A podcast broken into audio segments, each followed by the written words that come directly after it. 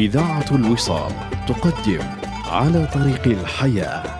برنامج يومي مع الأستاذ الدكتور مبروك عطية عميد كلية الدراسات الإسلامية بجامعة الأزهر. طوال شهر رمضان المبارك. إنتاج إذاعة الوصال.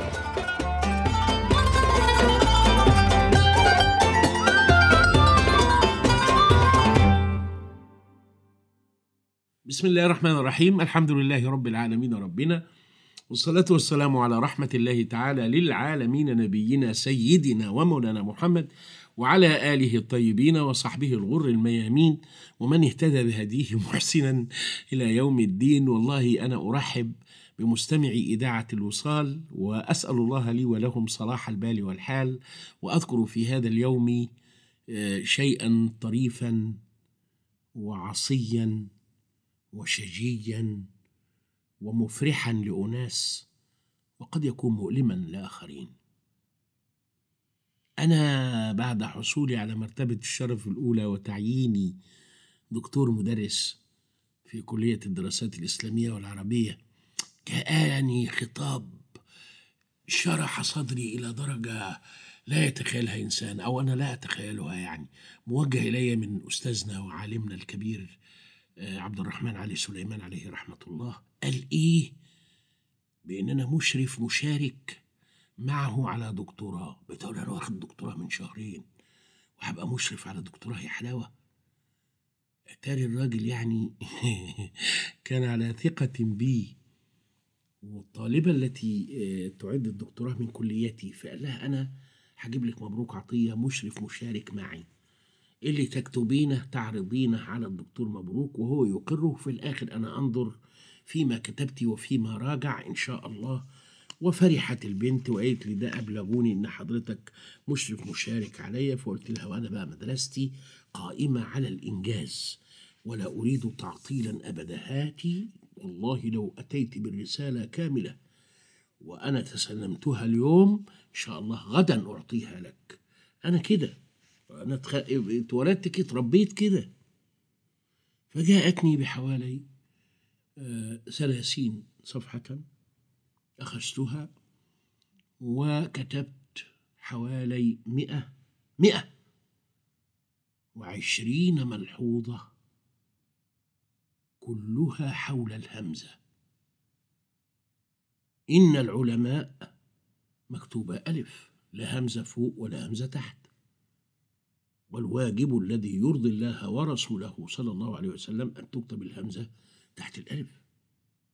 رأيت أن فلانا قد ترك هذه المسألة. رأيت أن رأيت مفيش همزة فوق الألف بتاع رأيت اللي في النص. وأن ألف لا همزة فوق ولا همزة تحت.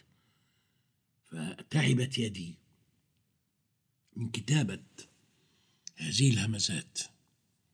مع بعض الملحوظات الأخرى لكني عندما التقيت بها في الصباح في الكلية وقلت اجلسي يا فلانة جلست فأمسكت بي ما كتبت وأخذت أقول اقرأي وصل هذه أم قطع الهمزة هذه وصل أم قطع الهمزة هذه ترسم أم لا ترسم الهمزة هذه يا شيخة في هذه المسألة وأنت على لغة من يقول فأكله الذئب أنا أنا يعني كتبت عليها واحد وتقولي لي المسالة وتقولي لي هذا من تخفيف الهمزة حيث حذفتها وأبقيت الألف لأن ما قبلها مفتوحا.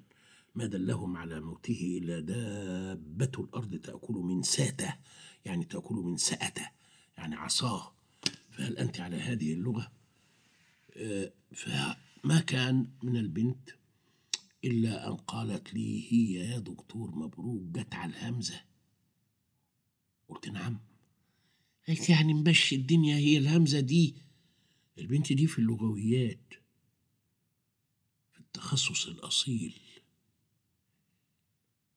قلت لها ده أنت أكل عيشك من الهمزة وحياتك في الهمزة وسعادتك في الهمزة وشقاؤك في الهمزة وأنت دكتوراه وورقة وقلم ومراية وعلى رأي عبد البديع قمحاوي وخلي بالكم معايا وكتبت إلى سيدنا ومولانا الأستاذ عبد الرحمن علي سليمان خطابا كان فيه اعتذاري عن الإشراف المشارك عليها وحولت إلى زميل آخر وقضي الأمر وتبقى العبرة والدرس.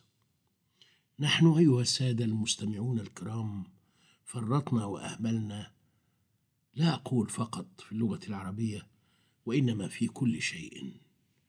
والكلمة التي سمعتها من تلميذتي التي لم أكمل معها الرحلة كلمة شائعة عند الناس الذين يتأخرون عن مواعيدهم والمواعيد دين.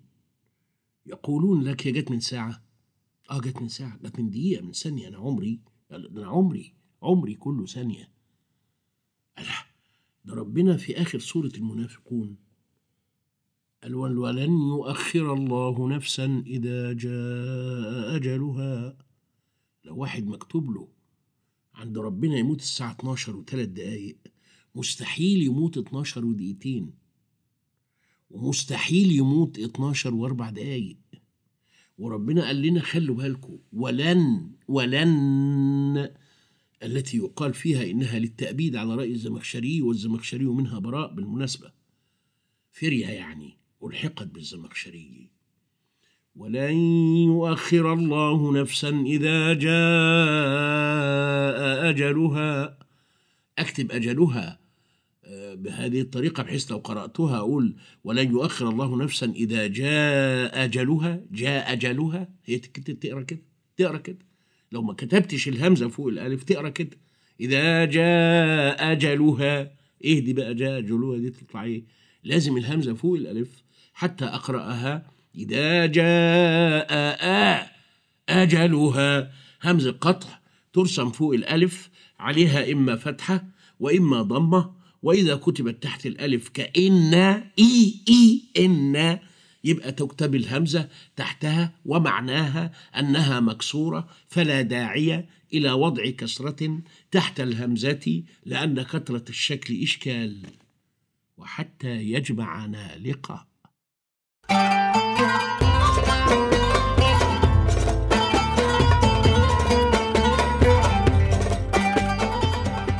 استمعتم إلى برنامج على طريق الحياة.